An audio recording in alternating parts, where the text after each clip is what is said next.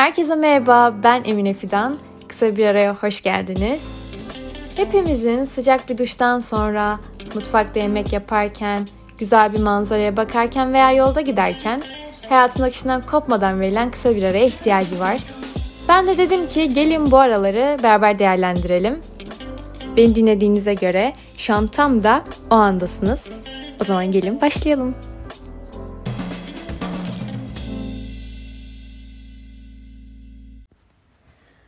Herkese selamlar. Kısa bir araya hoş geldiniz. Nasılsınız? Umarım hepiniz iyisinizdir.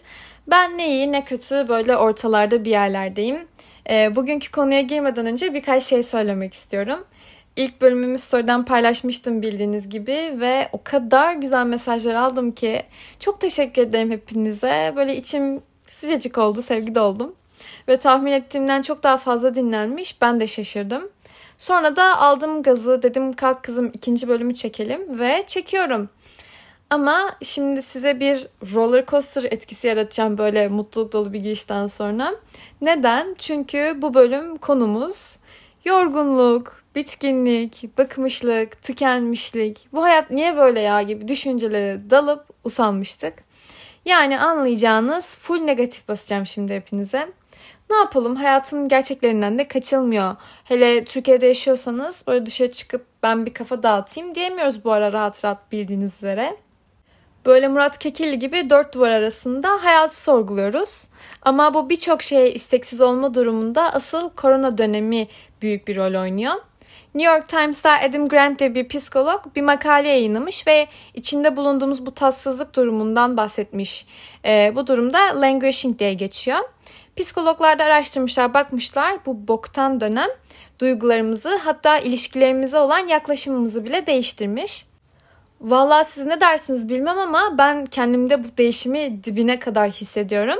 Birazdan da bu değişimin detaylarına kendimden de yola çıkarak ineceğim ve biraz ağlayacağım. Ama ilk olarak sebeplerden başlayalım. Şimdi korona döneminde bildiğiniz gibi enerjimizi minimum seviyeye indirdik. Ee, dışarı çıkmamız gerekiyorsa gerçekten çıkmalı mıyım diye yüz kere düşünür olduk. Ve sürekli kafada böyle bir hesap kitap dönüyordu. Şimdi de baktığımızda birine bazen diyorum işte hani dışarı çıkalım mı falan. Ama bir bakıyorum iki dakika sonra pişman oluyorum. Ya of aslında hiç de halim yok. Niye söyledim ya? Keşke demeseydim oluyorum kendi kendime. Ve böyle sanki karşımdaki insan bana ısrar etmiş gibi ayaklarımı süreye süreye çıkıyorum evden bazı zamanlar. Ha, korona dönem öncesi böyle bir şey yok muydu? Vardı ama bu dönem bu isteksizlik halini çok çok arttırdı. Ben dediğim gibi çıksam mı çıkmasam mı falan diye düşünüyorum ara ara ama daha dışa dönük biri olduğum için bu duvarı aştım e, kolaylıkla. O duvarı aştım ama bu sefer de kocaman bir ekonomi duvarına çarptım. Bunu aşamadım maalesef. Bu olmuyor arkadaşlar. Yani tek başımıza bunu yapamıyoruz. Ekonomik sıkıntılar binince asıl bir tık titiz oldum dışarı çıkıp çıkmamaya karar verirken birçok insan gibi. Bu arada İstanbul Açık Hava Rahmi Koç Müzesi'ne döndü. Herkes yol kenarına bırakmış arabalarını artık kimse kullanmıyor maddi sebeplerden dolayı. Ama böylece yılların sorunu İstanbul trafiği de çözülmüş oldu. Biraz da böyle olumlu taraflardan bakın işin arkadaşlar yani ne, ne negatif insanlarız ya. Böyle hep kötü şeylere odaklanıyoruz. Biraz da böyle iyi şeylere odaklanmayı bilmek gerekiyor. Twitter'da görmüştüm geçen şey yazmışlar. Salçalı makarna yemekten kafam salça oldu diye. ne yapacağız böyle artık? Yani madem hiçbir şey düzeltemiyoruz böyle mizahla akıl sağlığımızı korumaya çalışacağız. Biz de mecburuz buna. O yüzden her şeyimize yapılabilir bu hayatta arkadaşlar bence. Neyse ne diyorduk? Ha, korona dönemindeki enerji tasarrufu modumuzdan bahsediyordum. Beyaz aşağılarda falan çok aradığımız ve sevdiğimiz bir özellik bu ama iş bize gelince büyük bir sıkıntının habercisi. Peki bu modun bir diğer sebebi ne olabilir? Tabii ki yoğun sosyal medya kullanımı. Böyle millet makaleler, cartlar, curtlar okuyor, kafa patlatıyor, aldığı maaş belli. Bir de bazı insanlar çok efor gerektirmeyen şeylerle ünlü olunca ve çok daha iyi yaşayınca insan diyor ki e ben niye bu kadar kendimi yırtıyorum o zaman? Haklı olarak. bu sefer de hiçbir şey yapmak istememek belki yenilmişlik hissi kaplıyor insanın içine. Korona dönemine ek olarak bu durumda yaşanılan olumsuz duyguları bayağı bir güçlendiriyor. Onun dışında Mesela her gün yeni bir şey moda oluyor. Sadece kıyafetlerden bahsetmiyorum. Filmler, kitaplar, müzikler ve bunlar böyle çok hızlı, sürekli değişiyor. E bari diyoruz bunda geri kalmayalım, bunda zamana ayak uyduralım. Sonra ne oluyor peki? Herkes her şeyi güya biliyor ama hiçbir şey gerçekten anlamıyor. Doğan Cüceloğlu e, Nasıl Olur podcast kanalına katılmıştı zamanında. E, ve bir şey söylemişti. Demişti ki bilgi aslında o kadar da önemli değil. Farkındalık önemli. Bilgi insanın değerleriyle buluşup bir bilinç içinde oluşunca farkındalık doğuyor. O zaman da yapmak değil olmak oluşmaya başlıyor demişti. Ve bence çok güzel anlatmış. Bu bana göre herkes gibi olmamanın, özgün olmanın da bir şartı. Günümüzde aynı uyaranlara maruz kalıyor olabiliriz. Aynı kitapları okuyor olabiliriz. Ama özgün fikirlerin, özgün bir benliğin oluşması için farkındalık gerekiyor. Farkındalık oluşunca bu dışsal etkenlere de bence çok daha dirençli hale geliyoruz.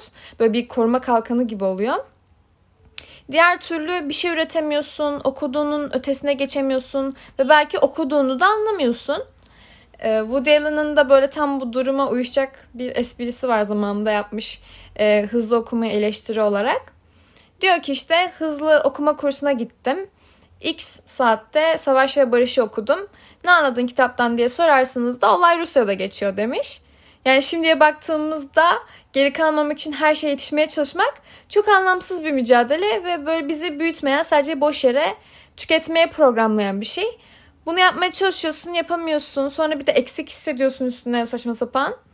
Ve eğer olayın sadece Rusya'da geçtiğinden de fazlasını anlamak istersek yani kaliteli filmler izlemek, kitaplar okumak ama böyle bunu sindire sindire yapmak kişinin kendi gelişimi için çok daha faydalı.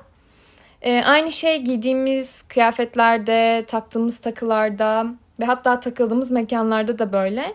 Yani güçlü olmak için e, bunların hepsine sahip olmaya gerek yok. Ki zaten birçok insan da durumun az çok farkında olmaya başladığı için bilinen şeyin böyle yüz kere üstünden geçmek istemiyorum.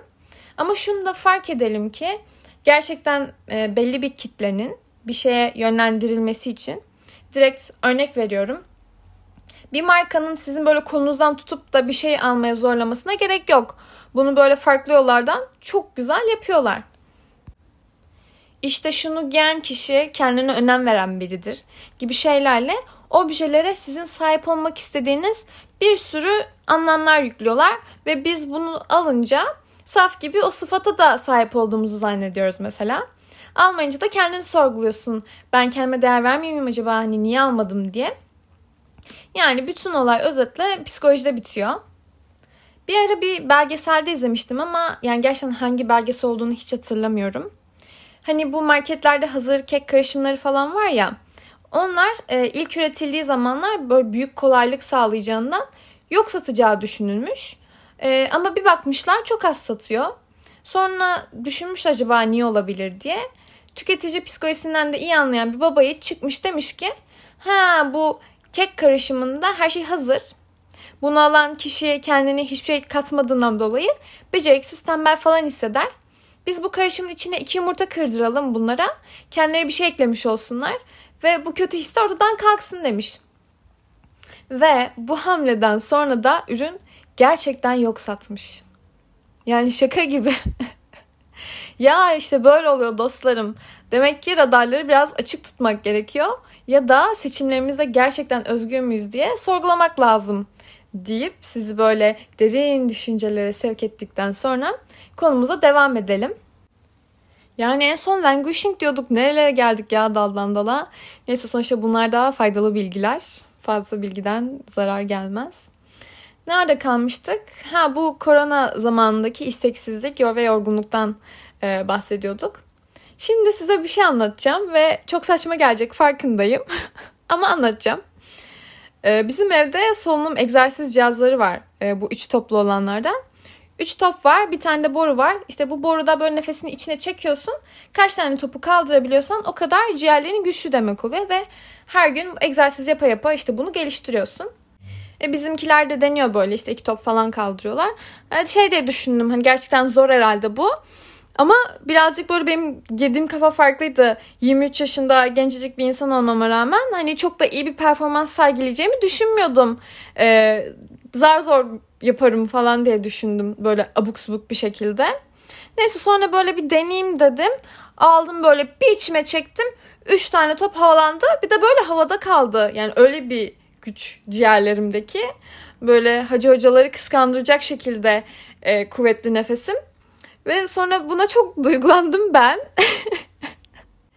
e, psikolojik olarak hissettiğim yorgunluğu haliyle vücudumda da hissediyordum. E, düzenli olarak spor yapıyorum falan ama herhalde böyle top olayını da farklı bir kontekste görünce e, dank etti. Kızdım kendime 70 yaşında insan muamelesi yapıyorsun kendine abuk subuk davranma falan diye. Böyle bir ayar çektim ve e, hiç beklemediğim bir yerden farkındalık geldi bana ve daha iyi hissetmeye başladım. Şimdi sizde de aynı durum varsa gidin bir solunum egzersiz topu alın falan demiyorum tabii ki ama hiç yapmadığınız fiziksel bir aktiviteyle ilgilenmek gerçekten çok iyi hissettiriyor. Bilmiyorum e, alternatif olarak ne yapabilirsiniz yaptığınızdan farklı. E, orienteering'i kesinlikle tavsiye etmiyorum. E, zamanında arkadaşımla beraber Belgrad Ormanı'na gitmiştik ve Belgrad'da telefon çekmediği için ormanın derinliklerinde saatlerce kaybolmuştuk. Şimdi sizi böyle bir şeye sevk etmek istemem. Ama aslında güzel bir şey yani yer yön e, algınız yerindeyse muhtemelen bizim kadar kalmazsınız. ah, neyse. E, bugün de ortak bir konu hakkında konuşup bir şeyler paylaşmış oldum. Keşke böyle karşılıklı konuşabiliyor olsak ya. Ee, bir sonraki bölümlerde bu arada konuk olarak arkadaşlarımı da dahil etmeyi düşünüyorum. Böyle güzel bir konu hakkında karşılıklı sohbeti dinlemek sizin için de bence çok zevkli olur. Artık yavaştan da kapanışa geçeyim. Hepinize enerji dolu çok güzel bir hafta diliyorum. Bir sonraki bölümde görüşmek üzere. Hoşçakalın.